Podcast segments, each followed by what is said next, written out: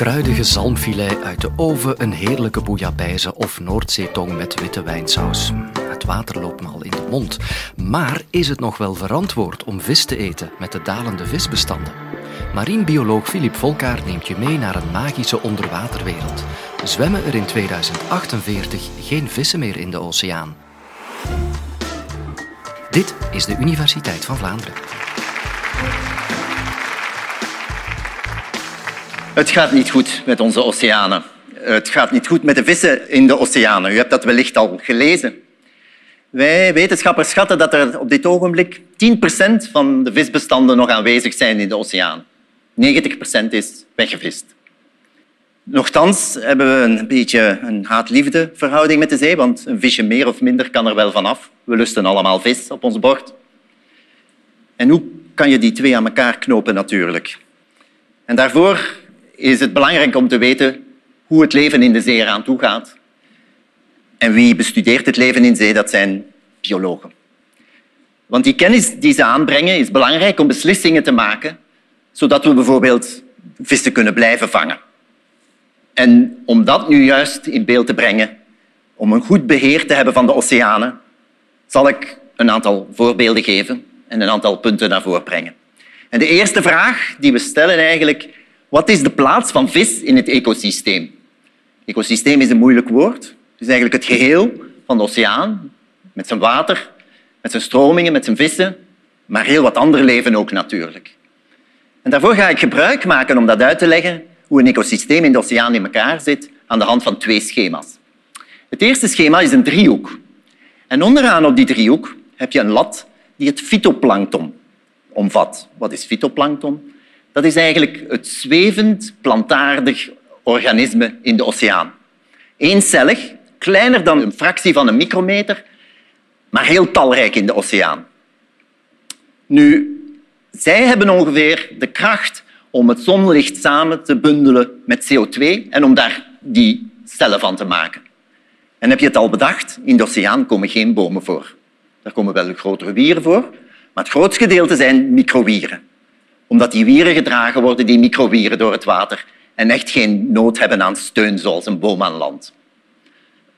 Nu, dat fytoplankton wordt opgegeten door andere organismen. Wij noemen dat zooplankton, dierlijk plankton.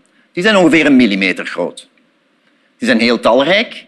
Eigenlijk zijn dat weinig soorten, maar ze komen heel veel voor in de oceaan.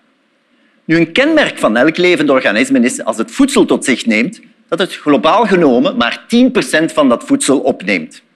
90% wordt terug in de omgeving uitgescheiden.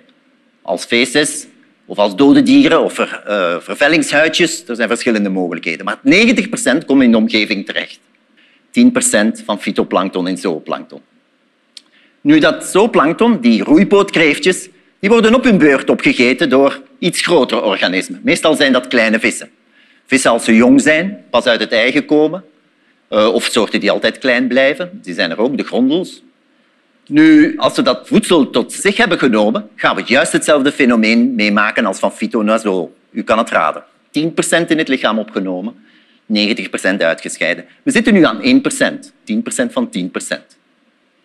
De volgende stap na die jonge visjes, die jonge haring, zijn grotere vissen die dat uh, die jonge vissen, die kleine vissen opeten.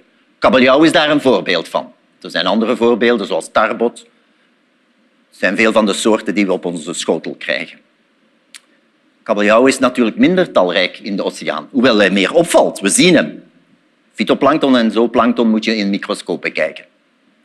Kabeljauw opnieuw 10% van het voedsel dat het eet wordt opgenomen in het lichaam.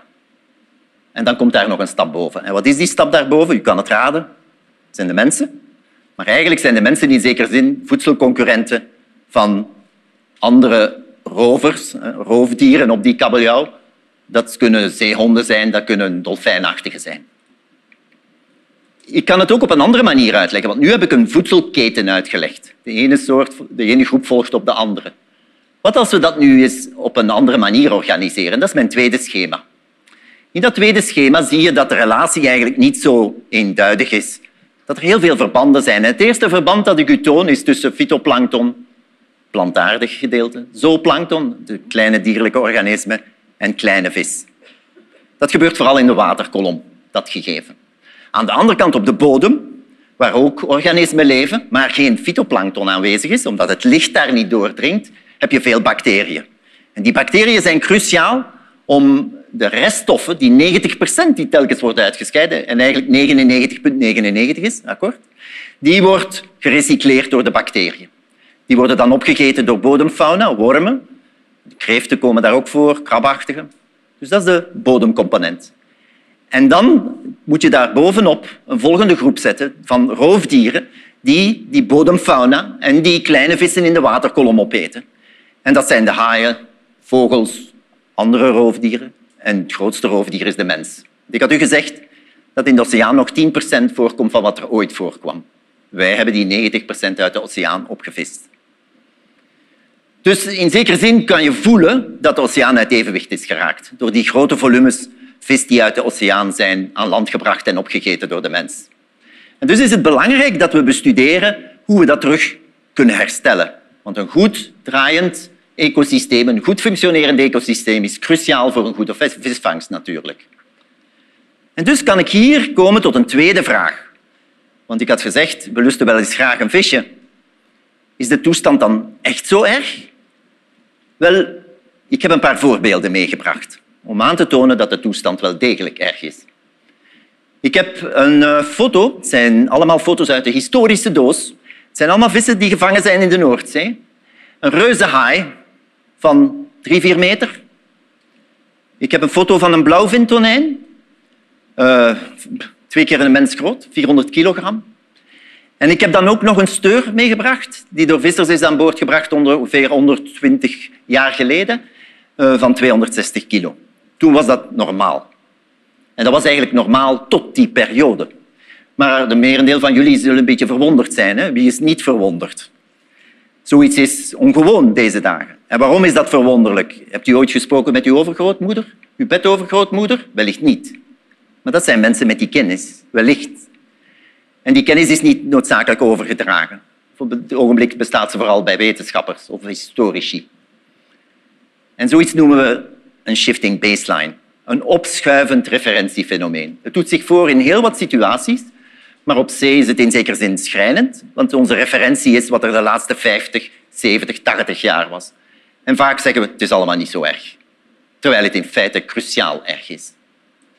En laat mij daarom een voorbeeld geven uit onze wetenschappelijke literatuur van iemand die daar verder is op ingegaan. En dat is Boris Worm, een Canadees onderzoeker die een publicatie in 2006 bracht in het wetenschappelijk tijdschrift Science. Science is degelijke kwaliteit. Het uh, was trouwens een consortium van heel veel onderzoekers. En uh, daar deden ze de voorspelling dat in 2048 er geen enkele vis in zee nog zou rondzwemmen. Dit lijkt ongelooflijk, superdramatisch. Uh, hebben ze hun zinnen niet, bij manier van spreken? Wel, vermits het onderzoek gebaseerd was op jaren onderzoek, en dat dat systematisch heel veel gegevens had samengebracht, kun je het zomaar niet aan de kant zetten. En hier kan ik even uitweiden hoe marinebiologen op zee hun werk doen. Zij maken gebruik van aangepaste platformen, zoals we dat noemen, aangepast materiaal. En een van die platformen is bijvoorbeeld het onderzoeksschip de Simon Steven, dat gerund wordt door het Vlaams Instituut van de Zee vanuit Oostende. Dat is ons normaal werkterrein. Het is een schip dat superstil is, een schip dat met allerlei netten kan werken, niet alleen voor grote vis, maar ook voor heel kleine, vis, kleine organismen. Een schip dat uitgerust is met sonar om te peilen in de oceaan. Een schip dat gemaakt is om extra containers aan boord te nemen, om heel speciale monsters te nemen. Dat is onze werkomgeving die we moeten gebruiken om die informatie te verzamelen. En ik kan nog een stapje verder gaan, want het is voor ons biologen belangrijk bijvoorbeeld om te weten bij visbestanden hoe ze er de volgende jaren zullen uitzien. Wij willen een beetje voorspellen om de vissers de tijd te geven zich daarop te organiseren en de overheid daar beleid bij te sturen. En een van de zaken die we kunnen leren is het prooiaanbod, hoe cruciaal dat ook is voor jonge dieren. Want jonge dieren, goed gevoed, zullen goede ouders zijn, bij manier van spreken, zullen goede volwassen vissen zijn. Maar er is een probleem. Als je dat wil bestuderen in kleine visjes, zo groot, Een maag die niets voorstelt, bij manier van spreken. Onder de microscoop zie je een brei. Dus hoe ga je dieet daaruit opmaken? Je kan natuurlijk bemonsteren in de omgeving, maar eten ze dat wel? Dus de vraag is, wat zit er in die maag? En een van de grote problemen die we hebben als wetenschappers is het onzichtbare zichtbaar maken. Er zijn veel zaken die gebeuren, maar hoe toon je die? En wel, wij hebben gelukkig een oplossing kunnen vinden, dankzij de blauwe technologie, Blue Biotech, zoals we dat noemen. Wij kunnen aan de hand van het DNA van al die prooi-organismen in de maag identificeren wat ze zijn. Want het organisme wordt wel verteerd, de prooi verteert tot een brei, maar er is nog altijd voldoende DNA aanwezig om te identificeren wie in die maag aanwezig is. Op die manier maken we het onzichtbare zichtbaar. Zo zie je wat we doen als wetenschappers om informatie op zee te verzamelen. Want die informatie is dan natuurlijk belangrijk om door te geven aan de beheerders. Die werken in de politieke context natuurlijk. En een beleid is gericht natuurlijk op adviezen. En dat zijn de adviezen die komen van de wetenschappers. Een advies hoeveel vis er de volgende jaren zal zijn. Een advies of het ecosysteem wel evenwichtig draait. Waar er kan bijgestuurd worden. Dat soort zaken. En een van de zaken die heel speciaal zijn voor vissen, is deze. Als je vandaag voor de kust van Frankrijk, Noord-Frankrijk, zwemt, als kabeljauw, kan je vlot de komende dagen door de Belgische wateren trekken en uiteindelijk in Nederland terechtkomen. En dan de vraag is, van wie is die vis? We denken altijd aan eigendomsrechten. Dus de enige manier om dat te gaan bestuderen of beheren is gebruik te maken van overeenkomsten tussen de aangrenzende landen. De oeverstaten moeten tot een overeenkomst komen. En die overeenkomst doen ze via de Europese Unie. Dus het is heel belangrijk om onze kleinkinderen zeevis te gunnen. Dat begrijpt u allemaal. Ehm, maar het is afhankelijk van een gezond ecosysteem.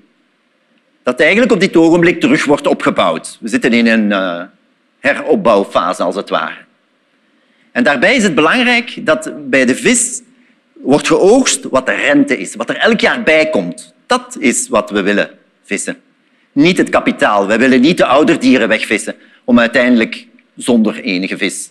Dus u hebt begrepen, die 10% die overblijft, er is op het kapitaal gevist geweest lange tijd.